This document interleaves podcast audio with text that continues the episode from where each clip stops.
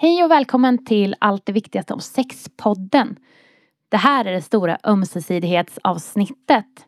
Idag kommer vi prata om skillnaden på ömsesidighet och samtycke. Vi kommer prata om den berömda T-filmen. Vi kommer prata om samtyckeslagstiftningen och sexuellt våld. Och vi kommer prata om vad kommunikation är. Varför har vi fått för oss att det är så himla svårt? Är det verkligen det? Välkomna!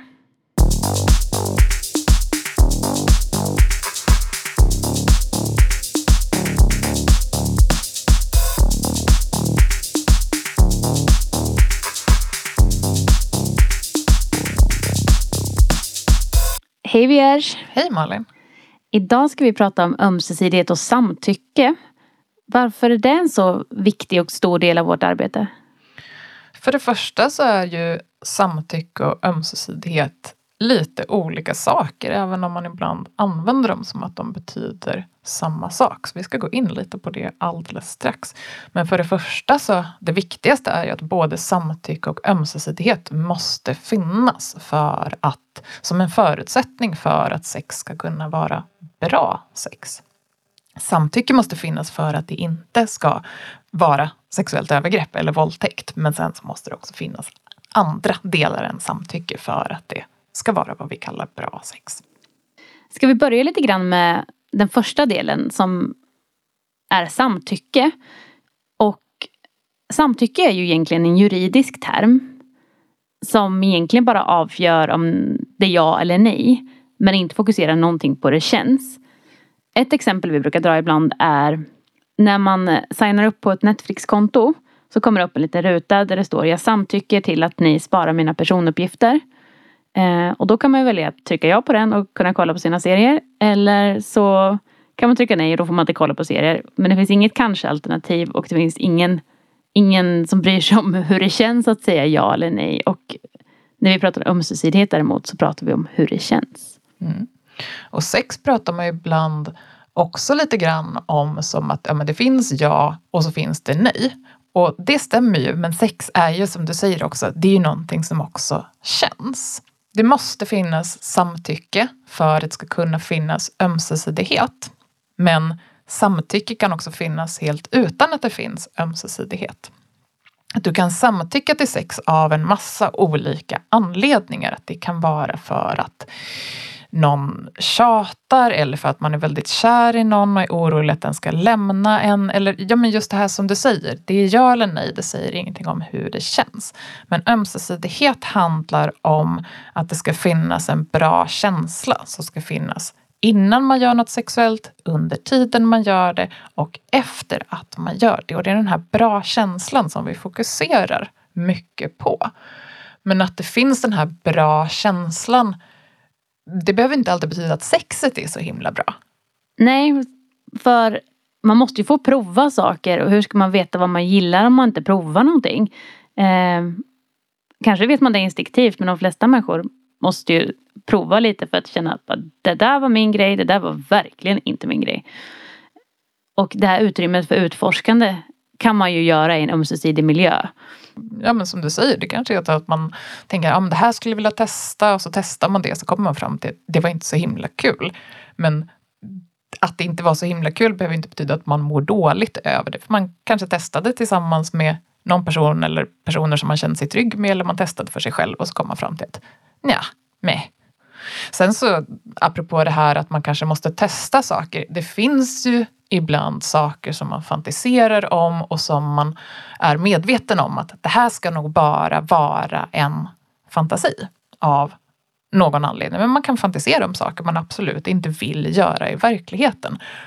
Och det är ju självklart okej. Tänder man på att fantisera om den här saken som man inte vill göra i verkligheten så är det ju helt fine. Så länge man inte tycker att det är jobbigt att man tänder på den här saken eller mår dåligt över att man fantiserar över den.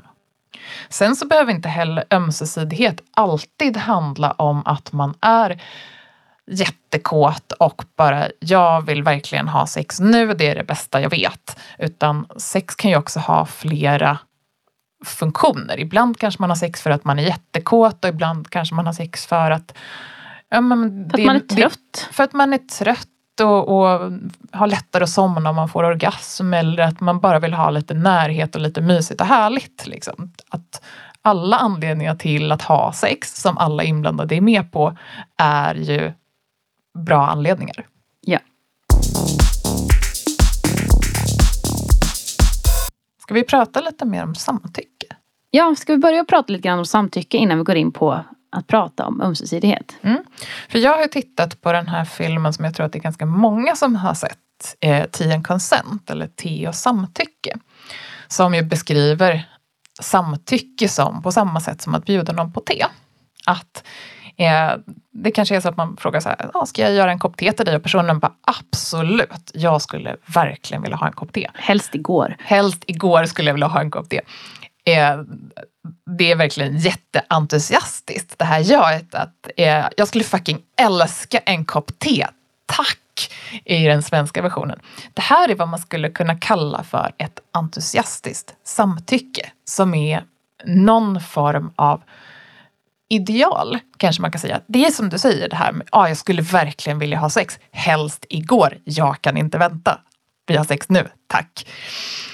Och det är ju en form av samtycke som är, det är härligt med den här entusiasmen, men det är inte den enda form av samtycke som finns egentligen. Det finns också någonting som man skulle kunna beskriva som nyfiket samtycke. Som kanske handlar snarare om att man bara Ja, jag kanske skulle vilja ha en kopp te. Det kanske skulle kunna vara gott. Jag testar. Eller jag börjar dricka te och sen inser jag att jäklar vad törstig jag var. Att man börjar göra någonting och så ser man hur det känns. Och så kan liksom samtycket komma ur det här att man liksom så här, ja men jag säger ja till att testa och så ser jag om det blir mer ja till andra saker.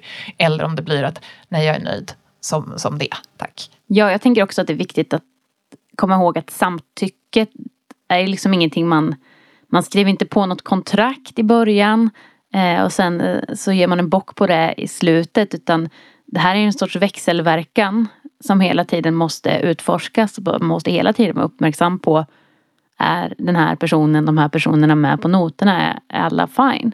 Mm.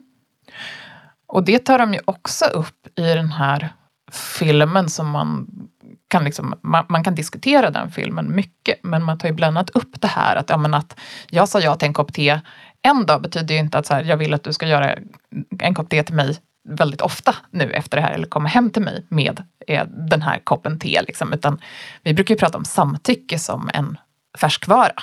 Att eh, samtycke måste inhämtas dels vid varje tillfälle men också löpande under tiden man har sex egentligen. För det kan ju vara så att man, man börjar ha sex och sen kommer man fram till att nej, alltså nu känns det inte så himla härligt längre. Liksom, nu skulle jag vilja sluta. Då kan man ju också liksom, det måste man också vara uppmärksam på om man har sex med andra personer. Att personer fortsätter att samtycka under tiden man har sex.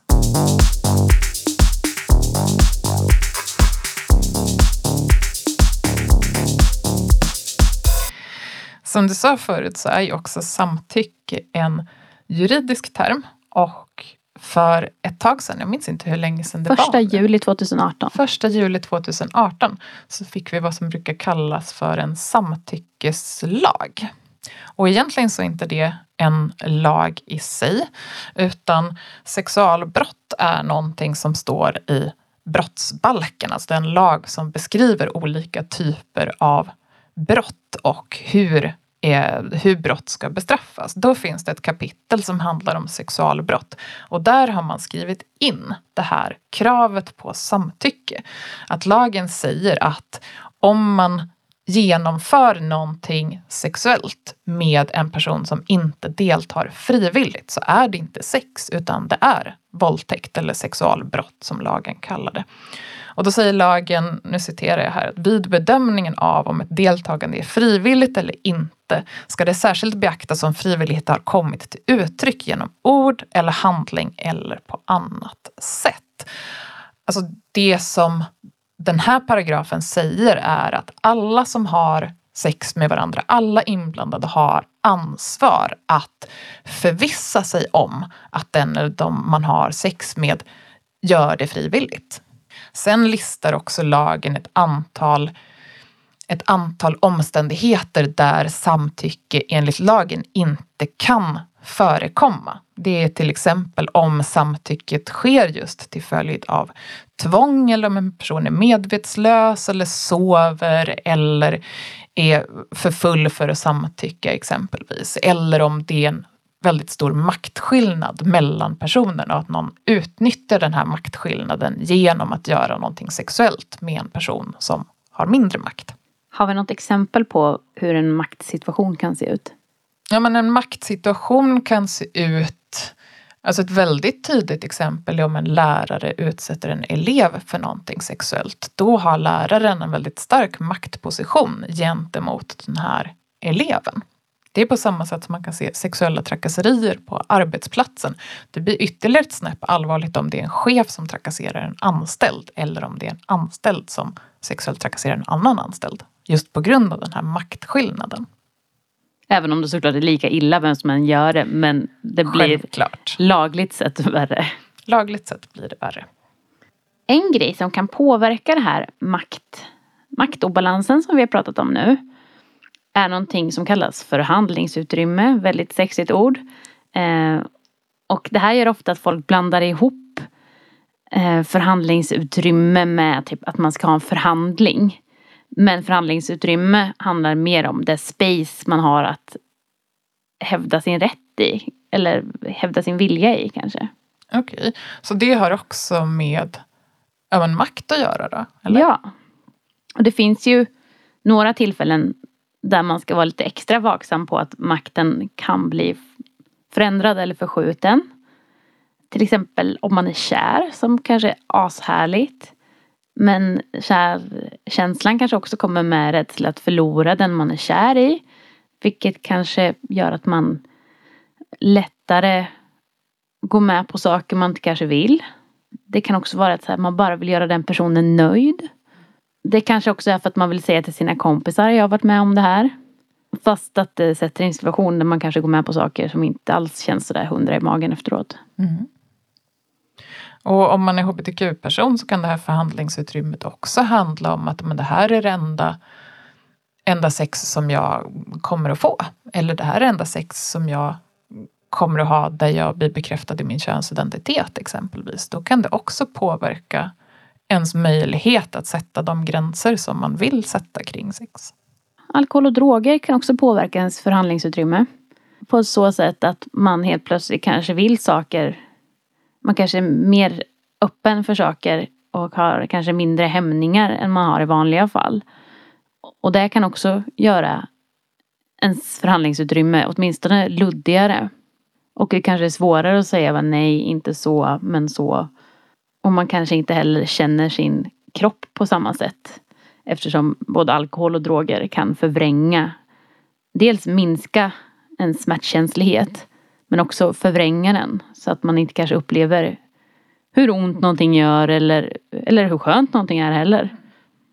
Ålder är också ett sån maktaspekt vi brukar prata om. Om det finns en stor åldersskillnad mellan de som ska ha sex så kan det göra att den personen som är äldre har mer livserfarenhet. Den kanske också har högre socialt kapital. Eh, den kanske har mycket större sexuell erfarenhet. Och då har den också mycket mer makt med sig in i samtalet om hur ska vi göra det här? Hur, hur vill du ha det? Och sen kan ju olika maktaspekter också förstärka varandra. Så det exempel som man kanske ser mest att personer blir fundersamma kring, det är ju om det är ett olikkönat ett olikkönat par där det är en man som är betydligt äldre och en kvinna som är betydligt yngre exempelvis, då kan människor i allmänhet upplever jag reagera på att men här verkar det finnas ändå en maktskillnad mellan de här och att många har en uppfattning om att det här är inte helt okej. Okay. Och det kan självklart vara helt okej okay med en relation som ser ut på det sättet om man är medveten om att men här kan det finnas en maktaspekt och att man, ja, man har den medvetenheten med sig när man gör relationen. En viktig maktaspekt som vi också brukar prata om är funktion. Vi har ju en väldigt stark funktionsnorm som kommer med väldigt starka förväntningar på hur människors kroppar och hjärnor ska fungera. Och om man då har en erfarenhet av en normbrytande funktion så kan det också påverka ens maktutrymme i sexuella sammanhang.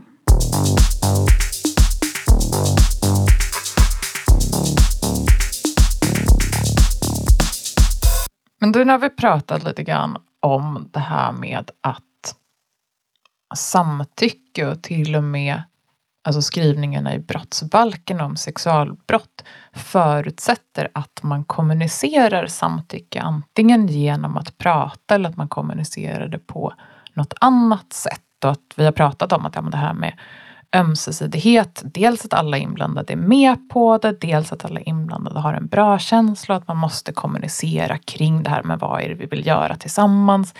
Men det här med kommunikation, alltså det verkar, det verkar så himla mycket det här med kommunikation. Är det, är det jättesvårt? Eh, nej. Eller både ja och nej. Det är en övningsfråga. Eh, det kan vara lite läskigt att börja prata om sin kropp och eh, det sex man vill ha och saker man drömmer om. Så jag skulle säga att det är en övningsfråga men jag tror att de flesta kan lära sig att de allra flesta kan hitta en metod som funkar för dem. Och kommunikation kan vara så himla många saker.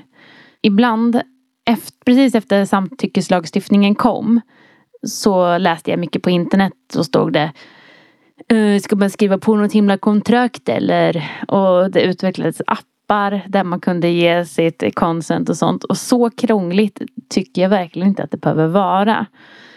Kommunikation är ju både blickar, eh, kroppsspråk, hur man rör sig med kroppen. Eh, hur man svarar på beröring. Om man så här, om någon har sina händer på ens kropp och man trycker sig emot dem för man tycker att det är härligt. Så är det kommunikation på att jag tycker att det här är härligt. Om personen i fråga istället drar sig bort från de här händerna så är det en signal att jag tycker inte det här är så nice. Och då kanske man ska fråga Vill du att jag gör så här istället? Så kan man fråga det utan att fråga med ord genom att bara flytta händer till exempel. En annan favoritgrej jag brukar tipsa om är ju att man inte behöver prata om sex när man har sex. För då blir det ju den här maktsituationen som kan uppstå. Eh, och man kan också känna sig väldigt utlämnad och det kan bli så att om någon annan säger jag vill ha det så här, jag vill ha det så här. Att man kan känna tvång att nu måste jag göra så här som den sa. Så det kan bli ganska avdramatiserat ifall man typ är ute och käkar glass eller går en promenad i skogen eller spelar tv-spel och pratar om det. Om sex och vad man vill och inte vill då istället. Har du något tips? Nej, men jag tänker att det också kan vara lättare för många tror jag att kommunicera när man inte är på samma plats. Alltså att du inte behöver tänka på sen, vad ska jag göra med händerna, vart ska jag titta någonstans, oj nu rodnar jag. Utan man kanske kan göra det i text exempelvis eller i telefon. Men att man kan, man kan sexta eller man kan chatta om typ hur man längtar efter varandra och vad man skulle vilja göra med varandra. Att det kan göra det enklare kanske. Ja. Då kommer vi också till en viktig del som vi brukar prata om. Och det är ju att samtycke och ömsesidighet också gäller på internet när man har sex på internet. Ha, vad vill du säga om det? Alltså jag tänker att då fungerar det ju på lite samma sätt. Alltså det kanske så bästa exemplet är bild, skicka bilder på sin kropp eller skicka bilder på sitt könsorgan. Det kanske man inte ska göra till någon som inte har sagt att den vill ha de här bilderna. Utan man kanske kan fråga först. Är det okej okay om jag skickar en bild? Säger personen absolut, då kan man skicka en bild. Men om personen inte säger absolut eller ja eller någonting motsvarande så ska man kanske avhålla sig från att skicka den där bilden för att oönskade liksom, bilder med sexuell, sexuell innebörd, nej men liksom bilder på nakna kroppar exempelvis, är inte okej. För att det är också sexuella trakasserier att skicka oönskade bilder. Sant. Jag tänker också att ganska många har ju sex på internet via cam eller snapchat eller och då tänker jag att det är precis samma regler som gäller där som för allt annat sex. Att man måste kolla av att personen är okej, okay, tycker du det är nice. Och det kanske är svårare att göra den här kroppsliga kommunikationen. Men jag tänker att hålla ögonen öppna där. Och kanske vara noggrannare med kanske skriva Eller typ faktiskt komma fram till hur man har sex på internet innan man har det. Och en grej som absolut inte är okej om man inte kommer överens om den. Det är ju att visa eller sprida någon annans bilder. Ja. Det är också sexuella trakasserier. Eh, att antingen för att hämnas på någonting, att man har fått någon bild på någon, sprida den. Eller för att man blivit sur, sprida den. Mm. Eller för att man vill jävlas, utsätta någon för någonting, mm. sprida den. Nej, men och sen så är det inte okej att visa upp någon annans bilder för att typ så här, titta vilken het person jag dejtar eller vilken het partner jag har. Det är ju inte heller okej om man liksom inte har pratat med personen i fråga om det först. För det, kan, det kan kännas ganska... Det kanske inte känns helt bra om bilder som man tänkte så här, den här skickar jag till den här specifika personen plötsligt är, är i ögonen på alla dens kompisar. Jag tänker också att eh, man kan dra ett steg längre. Att man faktiskt kan fråga sina kompisar innan man lägger upp bilder på sociala medier till exempel. Att så här, är det lugnt om jag lägger upp den här bilden? Så kan man öva lite på internet. Som det digitala samtycket i en kanske inte lika laddad miljö. Det är lustigt det där hur laddat egentligen samtycke och ömsesidighet blir bara för att det är en sexuell situation. Jag fick höra en jättespännande liknelse häromsistens som handlar om att men man kan egentligen jämföra med att typ så här, du och en kompis ska gå och käka pizza. Och på pizzerian så kanske ni pratar om så här, ja men typ vad ska du ha? Nej, men jag är inte så hungrig. Nej, jag gillar inte frukt på pizza, men jag gillar det här. Att man, och sen så äter man och sen så typ, ja men jag blir mätt efter halva, då slutar jag äta. Nej men att det är inte konstigare egentligen. Det borde inte vara svårare att kommunicera kring sex än just de här vardagsgrejerna där man på något sätt inte förhandlar riktigt men man liksom så här, Kommer överens? man kommer sätt. överens och stämmer av med typ så här, vad, vad gillar den här personen? Vad vill den göra? Jag tänker också att en viktig del av samtycke och ömsesidighet är att ha ögonen öppna för om till exempel en kompis är med om någonting som inte Låt säga att man är på en fest och man ser att ens kompis inte ser bekväm ut med någon person eller att den personen kanske tar på den personen på ett sätt som du vet att din kompis inte tycker är nice. Eller du bara känner i magen att det här är, känns inte helt rätt. Det behöver ju liksom inte ens vara en kompis. Det kan vara någonting man ser. Och då kanske det är läge att man själv får gå fram och fråga Hej, allt lugnt? Men det kan ju vara lite läskigt. Så då har vi lite tips. Alltså man kan ju göra på lite olika sätt. En sak som man kan göra om man är trygg med det är ju just att gå fram. Är det ens kompis så kan det vara ganska lätt att gå fram. Annars så, en del har ju knepet att man går fram och bara Men du, hej, gud vad länge sedan. Och så börjar man prata med den som varit utsatt fast man inte har en aning om vad det är för person. Utan man bara liksom går fram, låtsas att man känner personen och är, avbryter den här situationen som man uppfattar som obehaglig. Men sen så man kan ju göra en plan för man kan tänka själv, hur skulle jag vilja agera om jag såg det här? Är man på en klubb exempelvis så kan man ju säga till kanske om det finns en vakt. Eller att man kan mm, teama upp med en kompis och säga till. Gå fram tillsammans exempelvis. Eller så kan man göra någonting helt annat och bara dra uppmärksamheten till sig. Och en bra grej kan ju också vara, det kanske är svårare att gå på någon som man upplever är lite hotfull eller så. Eller som man inte upplever som särskilt snäll eftersom den har gjort något taskigt eller är oskön mot en annan person. Då kan det vara lättare att gå till den personen som blir utsatt. Mm. Och jag tänker också, ibland kan det vara skönt med att med någonting som är lite jobbigt. Det kan vara skönt att höra någon säga det där som X gjorde. Det var inte så nice, är du okej? Okay? Mm. Men jag slår verkligen ett slag för att här, tänk ut vem du är, hur du löser den situationen när du ser någonting som inte känns okej. Okay. Och så här, har man en plan för det här så är det mycket mer troligt, visar massa forskning, att det faktiskt är troligt att man gör någonting om man har en plan. Mm. På samma sätt som att det är troligt att man kan göra hjärt och lungräddning om man har övat på det. Mm. Men och nu börjar vi komma in på, nu har vi pratat lite grann om att personer kan göra någonting sexuellt mot en annan person, mot den personens vilja. Så nu kommer vi in lite grann på var går gränsen mellan sex och sexuellt övergrepp eller sexualbrott, våldtäkt, trakasserier. Och det här är ju inte direkt helt täta gränser mellan de här utan de går in och ut ur varandra. Och den, eh, och då kan man dela upp det i sexuella övergrepp, trakasserier, våldtäkt. Eh, och våldtäkt är ju tekniskt att någon ligger med någon annan människa eller något likvärdigt mot ens vilja. Sexuella övergrepp kan vara att man tar på någon annans kropp på ett sätt som den inte vill.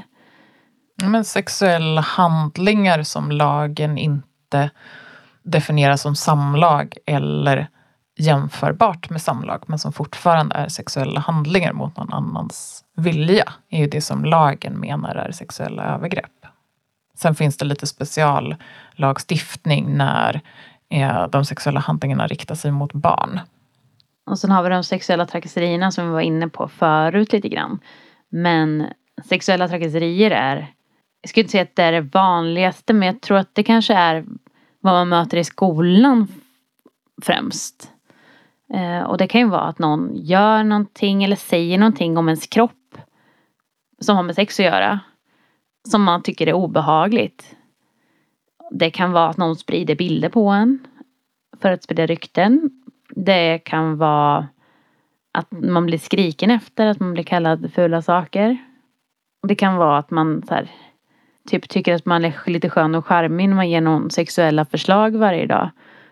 Men som den här personen verkligen inte vill ha. Det är också sexuella trakasserier. Att bara dra iväg en bild på sitt könsorgan på sociala medier, på Snap eller så. Kan också vara sexuella trakasserier. Eller är sexuella trakasserier om det sker mot någon annans vilja om man inte kollat upp det.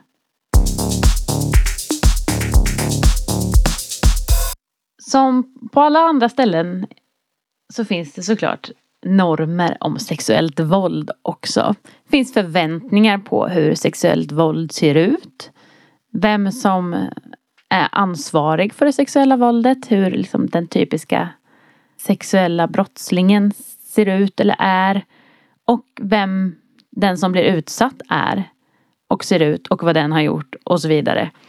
Och hur man ska agera ja. om man har blivit utsatt för ett sexuellt övergrepp. finns det ju jättestarka normer kring hur man, ska, hur man förväntas bete sig. Och vi tycker att det är viktigt att prata om det här. De här normerna är jättestarka. Till exempel om man då inte passar in i de här förväntningarna kring hur sexuellt våld ser ut. Eller, ja, om man inte är i fåran som de här normerna beskriver. Om man till exempel är en icke-binär person eh, och eh, man har en tjej. Och tjejen tjatar på en jättemycket om sex. Eller skickar massa bilder eller vad som helst som är över ens vilja. Så kommer man bli ganska osynlig i det här för man är inte det förväntade offret om vi säger. Den personen som utsätter en är inte den förväntade gärningsmannen. Och det som den här personen gör är inte den förväntade våldtäkten. Och det gör att människors erfarenheter och upplevelser blir gjorda till det var väl inte så farligt eller nej eller det där. Så kan det ju vara men de blir underminerade och det är problematiskt. Man måste veta hur normer sitter ihop och de förstärker varandra för att kunna motverka det här. Och såklart att den här situationen som jag beskrev just är precis lika valid som om det hade varit en kille som tafsade på en tjej som sa nej och mådde dåligt efteråt. Och det här du tar upp nu med att, eh, att en part kan tjata om sex och att det kan göra att en annan part har sex fast den kanske egentligen inte vill. Där har vi ju vad som ofta kallas för ja, men sex i gråzonen att samtycke, det kan finnas samtycke. Personen som blir tjatad på kan gå med på att ha sex eller samtycka till att ha sex. Fast den kanske egentligen inte vill för det här samtycket är framtvingat av någonting. Då är det inte egentligen ett brott mot samtycket men det är ju fortfarande väldigt inte okej okay att tjata på någon tills den samtycker. Sant. Det är ju inte särskilt frivilligt och ömsesidigt. Och sen tänker jag också att det finns en viktig aspekt som vi måste prata om som är ångerrätten. Jag vill slå ett slag för att man får ångra sig. Man kan ju vara super, super pepp på någonting. Man kanske har bara snackat jättemycket på nätet och bara så här, uh, det här ska bli så nice. Man har byggt upp värsta fantasin om hur det här ska bli. Och sen ska man göra det här och man, nej jag vill inte. Då har man ju faktiskt alltid rätt att ångra sig. Man behöver inte göra saker man har diskuterat om det inte känns nice. Och så här, det kanske är två tredjedelar som känns nice men inte den tredje tredjedelen. Och då har man också rätt att ångra sig på den. Man måste liksom inte fullfölja någonting man sa ja till från början. Och jag tycker också inte att man kanske behöver ta åt sig så himla mycket om ens partner, sexpartner ångrar sig. För det kan ju bara vara, nej fan jag börjar tänka på matteläxan. Och så kanske bara lusten försvann. Eller så var det kanske något annat som inte var nice. Eller så var man bara sugen på att dricka ett glas vatten och chilla lite. Det behöver inte vara så allvarligt att ångra sig. Men det är viktigt att man lyssnar och så läser av om när ångerkänslan börjar uppträda. Både att man så här, tar vara på den hos sig själv men också att man kollar efter den med sina partners. Är du okej okay nu? Tycker, tycker du att det är nice? Och ånger behöver ju egentligen kanske i vissa sammanhang inte vara någonting annat. Bara så här, jag skulle vilja pausa det här vi håller på med. Det betyder inte nej. Det behöver inte betyda nej och det behöver inte betyda nej för all framtid. Men inte just nu. Jag skulle vilja reklamera det här sexet. Tack. Så det var allt för det här lilla avsnittet och ni får såklart alltid gärna kontakta oss på sexrfslungdom.se. Tack Vierge! Tack Malin!